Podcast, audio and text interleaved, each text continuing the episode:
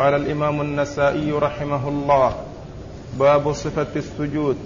وقال أخبرنا علي بن حجر المروزي قال حدثنا شريك عن أبي إسحاق قال وصف لنا البراء رضي الله عنه السجود فوضع يديه بالأرض ورفع أجيزته وقال هكذا رأيت رسول الله صلى الله عليه وسلم يفعل. بسم الله الرحمن الرحيم. الحمد لله رب العالمين وصلى الله وسلم وبارك على عبده ورسوله نبينا محمد وعلى آله وأصحابه أجمعين. أما بعد يقول النسائي رحمه الله باب صفة السجود. آه هذه الترجمة يراد بها بيان كيفية سجود كيفية السجود. وقد سبق أن مر في الأبواب الماضية ذكر شيء مما يدل على ذلك. وذلك في السجود على الأعضاء السبعة التي هي الوجه الذي هو الجبهة والأنف واليدان والركبتان وأطراف القدمين. هذه من صفة السجود ومما يتعلق بصفة السجود. وكذلك مما يتعلق بصفة السجود ما يتعلق بالمجافاة بين العضدين عن الجنبين والجنبين عن الفخذين والفخذين عن الرجلين بحيث لا يكون الإنسان تعتمد آه، أعضاؤه بعضها على بعض.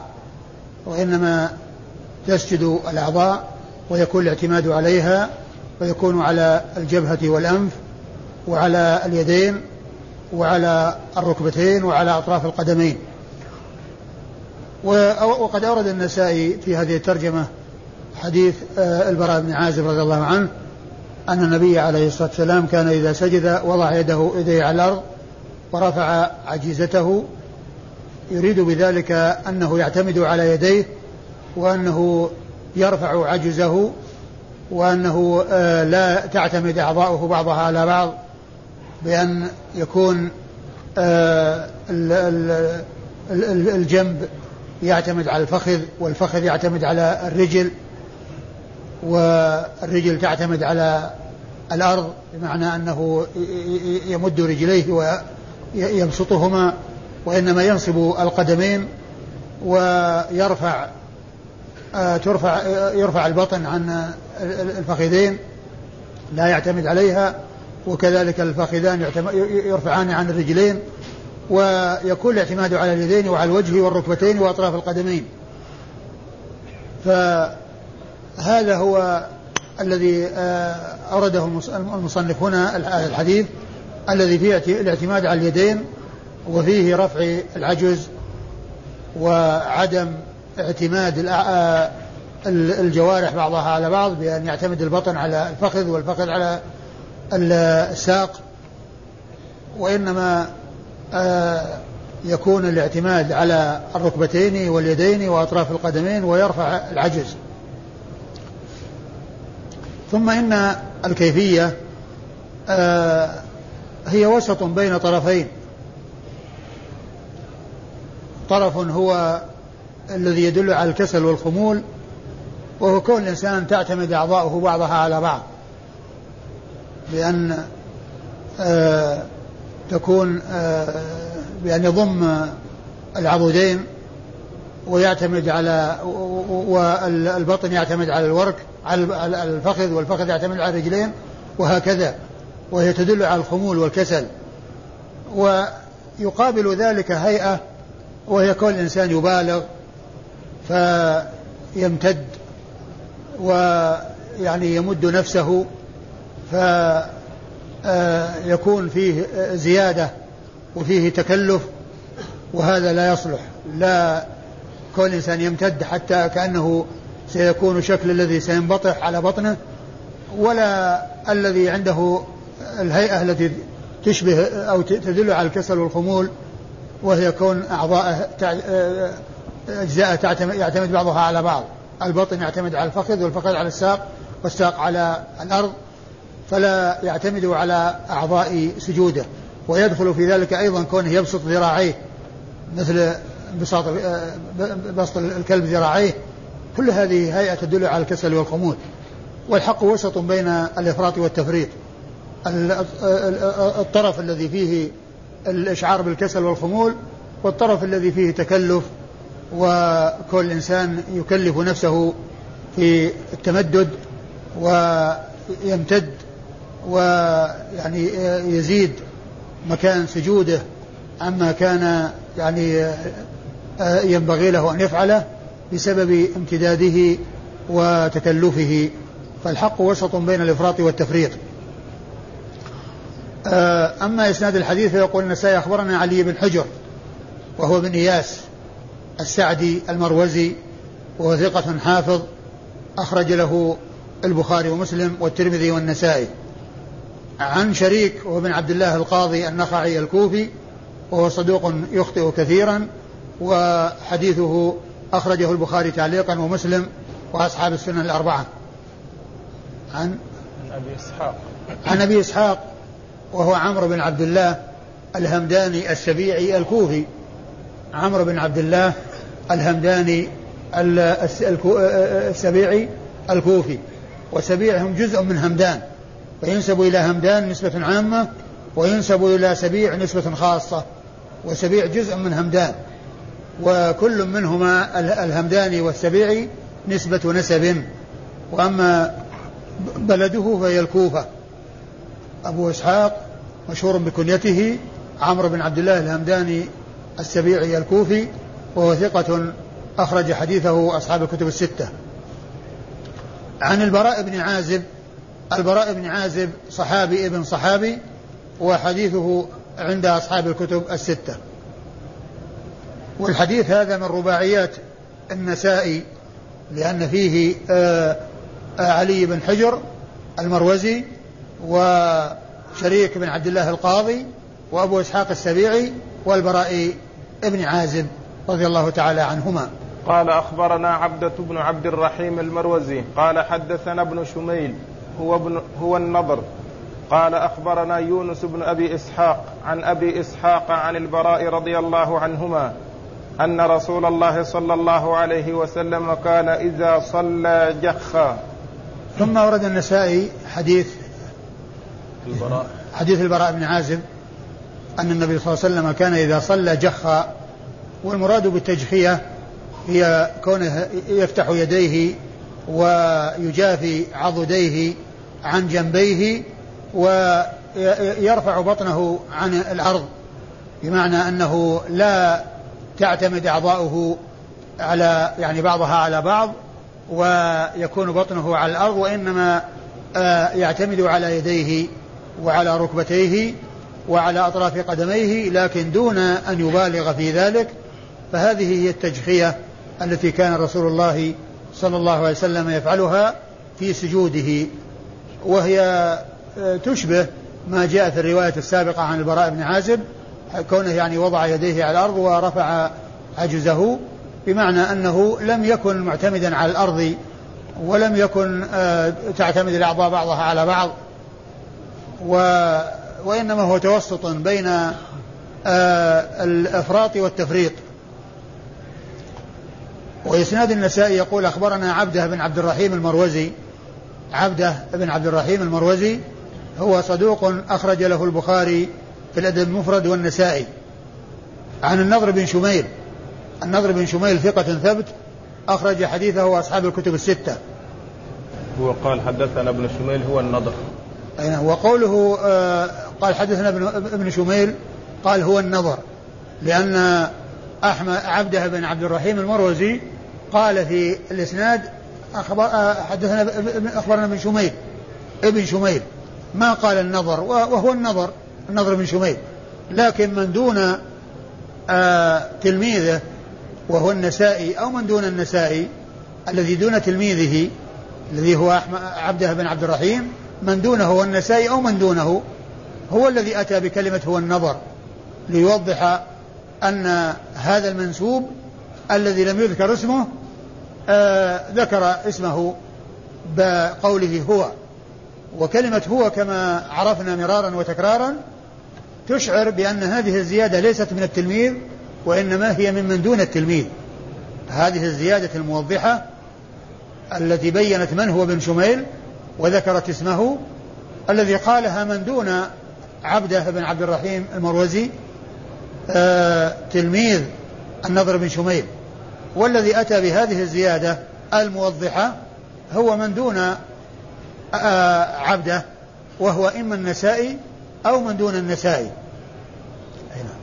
قال أخبرنا يونس بن أبي إسحاق. قال أخبرنا يونس بن أبي إسحاق. يونس ابن أبي إسحاق السبيعي وهو أبو إسرائيل وهو صدوق يهم قليلا وقد أخرج حديثه البخاري. في القراءة ومسلم والأربعة البخاري في جزء القراءة ومسلم وأصحاب السنن الأربعة. البخاري في جزء القراءة ومسلم وأصحاب السنن الأربعة. عن أبي إسحاق. عن أبي إسحاق عن البراء وقد مر ذكرهما في الإسناد الذي قبل هذا. قال أخبرنا قتيبة قال حدثنا بكر عن جعفر بن ربيعة عن الأعرج عن عبد الله بن مالك بن بحينة رضي الله عنه أن رسول الله صلى الله عليه وسلم كان إذا صلى فرج بين يديه حتى يبدو بياض إبطيه ثم ورد النسائي حديث عبد الله بن مالك بن بحينة رضي الله عنه. الذي يصف به صلاة رسول الله صلى الله عليه وسلم في حال سجوده وأنه قال فرج بين يديه حتى يرى بياض إبطيه. حتى يرى بياض إبطيه يعني من تفريجه بينهما. يعني يفرج يديه عن إبطيه. لا يلصق ال ال ال اليدين اللي هما العضدين وبالإبط أو بالجنب وإنما يفرق يفرج بينهما حتى حتى يتباعد يعني ما بين العضد والجنب. لكن هذا يكون حيث لا يضر على أحد من جيرانه إذا كان في إذا كان مأموما إذا كان مأموما آآ آآ يفرج ما استطاع أو يجافي ما استطاع. لكن لا يلحق الضرر بجيرانه أو يؤذي جيرانه. أما إذا كان مأموما أو كان وحده فإنه يفعل المشروع الذي يمكنه فعله وهو المجافاة بين العضدين مجافاة العضدين على الجنبين. والنبي صلى الله عليه وسلم كما وصف عبد الله بن مالك بن بحينة سجوده أنه كان يجافي عضديه حتى يرى بياض إبطيه يعني من من من من شدة المجافاة لكن كما عرفنا إن هذا يكون في حال عدم الإضرار بأحد ممن يكون على يمينه وشماله إذا كان مأموما في الصلاة. وأما إسناد الحديث فيقول النسائي أخبرنا قتيبة. أخبرنا قتيبة هو بن سعيد بن جميل بن طريف البغلاني ثقة ثبت أخرج حديثه أصحاب الكتب الستة. حدثنا بكر. حدثنا بكر وهو بن مضر وهو ثقة ثبت أخرج حديثه أصحاب الكتب الستة إلا ابن ماجه فإنه لم يخرج له شيئا. عن جعفر بن ربيعة. عن جعفر بن ربيعة بن شرحبيل بن حسنة المصري وهو ثقة أخرج له. الجماعة أخرج له أصحاب الكتب الستة. عن جعفر بن ربيعة بن شرحبيل بن حسنة المصري وهو ثقة أخرج حديثه أصحاب الكتب الستة. عن عن, عن الأعرج. عن الأعرج وهو لقب صاحبه عبد الرحمن بن هرمز المدني. عبد الرحمن بن هرمز المدني. لقبه الأعرج وقد اشتهر بهذا اللقب ويأتي ذكره في الأسانيد كثيرا. يقال عن الأعرج وحدثنا الأعرج وهو ثقة أخرج حديثه أصحاب الكتب الستة. عن عبد الله بن مالك بن بحينة صاحب رسول الله صلى الله عليه وسلم وحديثه عند أصحاب الكتب الستة. قال أخبرنا محمد بن عبد الله بن بزيع قال حدثنا معتمر بن سليمان عن عمران عن أبي مجلس عن بشير بن نهيك عن أبي هريرة رضي الله عنه أنه قال لو كنت بين يدي رسول الله صلى الله عليه وسلم لأبصرت إبطيه قال أبو مجلز كأنه قال ذلك لأنه في صلاة ثم ورد النسائي حديث أبي هريرة رضي الله عنه. قال لو كنت بين يدي رسول الله صلى الله عليه وسلم لأبصرت آه لأبصرت, لأبصرت إبطيه قال أبو مجلز وهو أحد الرواة كأنه قال ذلك لأنه في الصلاة. لأنه في الصلاة.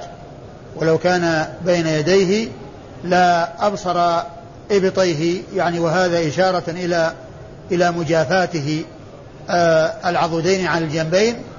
ف يعني يمكن إبصار يبصر يمكن آه، آه، آه، إبصار الإبطين. يعني في لو كان تمكن من ذلك ولو كان بين يديه لكنه قال ذلك لأنه في صلاة. لأنه كان في صلاة فلم يتمكن من أن ينظر إلى إلى إلى ذلك. ولو كان في غير الصلاة وهو ينظر لأبصر ذلك أي إبط رسول الله صلى الله عليه وسلم والمقصود من ذلك المجافاة المقصود من ذلك المجافاة أي مجافاة العضدين عن الجنبين بحيث يرى آه الإبطان. وإسناد الحديث يقول النسائي أخبرنا محمد بن عبد الله أخبرنا محمد بن عبد الله بن بزيع. أخبرنا محمد بن عبد الله بن بزيع وهو البصري وهو صدوق. ثقة أخرج له مسلم والترمذي والنسائي. وهو ثقة أخرج له مسلم والترمذي والنسائي. نعم. ثلاثة. أي وهو, وهو ثقة أخرج له مسلم والترمذي والنسائي. عن؟ عن معتمر بن سليمان. عن معتمر بن سليمان بن طرخان التيمي وهو ثقة أخرج له أصحاب الكتب الستة. عن عمران. عن عمران وهو ابن الحدير. وهو ثقة أخرج له مسلم وأبو داود والترمذي والنسائي. مسلم وأبو داود والترمذي والنسائي. مسلم وأبو داود والترمذي والنسائي. عن أبي مجلس. عن أبي مجلس وهو لاحق بن حميد البصري وهو ثقة أخرج حديثه أصحاب الكتب الستة وهو مشهور بكنيته أبو مجلز عن بشير بن نهيك. عن بشير بن نهيك وهو ثقة أخرج حديثه أصحاب الكتب الستة. أخرج حديثه أصحاب الكتب الستة. بشير بن نهيك. آه قيل له رؤية و آه وهو ثقة. أخرج قال ابن حجر ولا يثبت. وهو ثقة. أخرج حديثه أصحاب الكتب الستة. عن أبي هريرة. عن أبي هريرة عبد الرحمن بن صخر صاحب رسول الله صلى الله عليه وسلم. وأكثر الصحابة على الإطلاق حديثا. عن رسول الله صلى الله عليه وسلم. قال أخبرنا علي بن حجر قال أخبرنا إسماعيل قال حدثنا داود بن قيس عن عبيد الله بن عبد الله بن أقرم عن أبيه رضي الله عنه أنه قال صليت مع رسول الله صلى الله عليه وسلم فكنت فكنت أرى عفرة إبطيه إذا سجد. ثم ورد النسائي حديث آه، عبد الله بن أقرم رضي الله تعالى عنه أنه صلى مع رسول الله صلى الله عليه وسلم فكان يرى عفرة إبطيه إذا سجد والمراد والمراد بالعفرة يعني صفة آه، يعني آه، لونها أي الإبط لأنه لأنه لون الجسد لون الوجه إلا أن فيه منابت الشعر الذي يجعل لونه يختلف قليلا عن هيئة البشرة. فهي تشبه يعني العفرة الذي هو لون الأرض أو التراب يعني آه لأنه آه, آه، بياض خالطه يعني سواد الذي هو منابت الشعر وأصول الشعر. وهذا المراد به المجافات. المراد به أنه كان يجافي عضديه عن جنبيه حتى يرى إبطاه صلى الله عليه وسلم. وإسناد الحديث أخبرنا علي بن حجر. أخبرنا علي بن حجر وقد مر ذكره قريبا. أخبرنا إسماعيل. أخبرنا إسماعيل هو بن جعفر. إسماعيل هو ابن جعفر وهو ثقة ثبت أخرج حديثه وأصحاب الكتب الستة. حدثنا داود بن قيس. حدثنا داود بن قيس وهو ثقة أخرج له. ثقة فاضل أخرج له البخاري تعليقا والباقون. آه وهو ثقة فاضل أخرج له البخاري تعليقا ومسلم وأصحاب السنن الأربعة. عن عبيد الله بن عبد الله بن أقرم. عن عبيد الله بن عبد الله بن أقرم وهو ثقة؟ نعم. أخرج له الترمذي والنسائي وابن ماجه. أخ... وهو ثقة أخرج له الترمذي والنسائي. الترمذي والنسائي وابن ماجه. أخرج له الترمذي والنسائي وابن ماجه. عن أبيه. عن أبيه عبد الله بن أقرم صاحب رسول الله صلى الله عليه وسلم وهو آه، صحابي مقل وقد أخرج له آه، الترمذي والنسائي وابن ماجه يعني كابنه. قال باب التجافي في السجود. وقال أخبرنا قتيبة قال حدثنا سفيان عن عبيد الله وهو ابن عبد الله بن الأصم عن عمه يزيد وهو ابن الأصم عن ميمونة رضي الله عنها أنها قالت إن النبي صلى الله عليه وسلم كان إذا سجد جافى يديه حتى لو حتى لو أن بهمة أرادت أن تمر تحت يديه مرت. ثم أورد النسائي التجافي في السجود والمراد به ما آه، تقدمت الإشارة إليه في الباب السابق في صفة السجود وهو مجافاة العضدين عن الجنبين وقد أورد النسائي في هذه الترجمة حديث آه، ميمونة أم المؤمنين رضي الله تعالى عنها وأرضاها أن النبي عليه الصلاة والسلام كان إذا سجد جاف يديه حتى لو أرادت بهمة أن تمر مرت يعني أنه لو أرادت بهمة وهي آه، صغيرة من آه، أولاد الغنم أن تمر يعني من تحت يده لمرت وذلك لكونه يباعد عضديه عن جنبيه.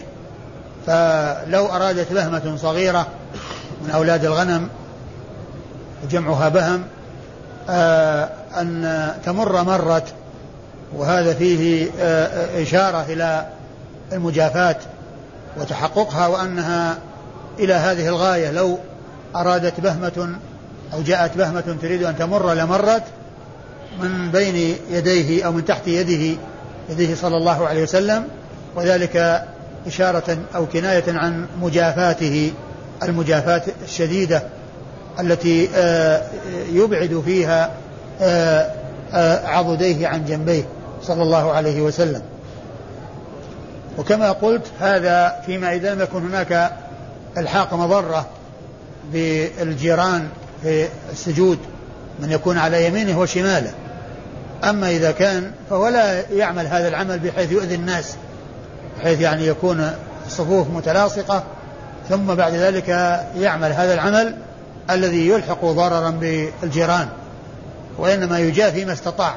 وإذا كان إماما أو منفردا فإنه يجافي. نعم. أخبرنا قتيبة. أخبرنا قتيبة وقد مر ذكره. حدثنا سفيان. حدثنا سفيان وهو بن عيينة. وقد عرفنا أن قتيبة إنما يروي عن سفيان بن عيينة لا يروي عن ليس له رواية عن الثوري فحيث جاء قتيبة يروي عن سفيان فالمراد به ابن عيينة. كما أنه إذا جاء قتيبة يروي عن حماد فالمراد به من زيد وليس ابن سلمة. وسفيان بن عيينة ثقة حجة أخرج حديثه أصحاب الكتب الستة. عن عبيد الله وهو ابن عن عبيد الله هو بن عبد الله آه، آه، ابن الأصم وهو مقبول أخرج حديثه. مسلم أبو داود والنسائي مسلم وأبو داود والنسائي وابن ماجه. مسلم وأبو داود والنسائي وابن ماجه. عن عمه يروي عن عمه عبد الله. يزيد. عن عمه يزيد. يزيد بن الأصم يزيد بن الأصم إيش؟ عن هذا ما رجعت وهذا هو لعله هذا الذي هذا هو الذي أنا قلت يعني بشير بن ناهك أنه قيل له رؤية نعم. وقيل أنه ثقة يعني ظاهر هذا هو الذي هذا هو الذي قيل فيه انه قيل له رؤية وقيل لا لم يثبت قال الحافظ بن حجر ولا يثبت وإن وهو ثقة وهو ثقة أخرج له. أبحث عنه الآن. تقريب موجود؟ نعم موجود. هو الكندي؟ نعم ثقة أخرج له البخاري لا قبل قال لا يثبت؟ أي نعم. قيل له رؤية؟ قال يزيد بن الأصم واسمه عمرو بن عبيد بن معاوية البكائي. آه. أبو عوف كوفي نزل الرقة وهو ابن أخت ميمونة أم المؤمنين يقال له رؤيا ولا يثبت. نعم يقال له رؤيا ولا يثبت وهو ثقة. أخرج حديثه البخاري في الأدب ومسلم والأربعة. البخاري في الأدب المفرد ومسلم وأصحاب السنن الأربعة. البخاري في الأدب المفرد ومسلم وأصحاب السنن الأربعة.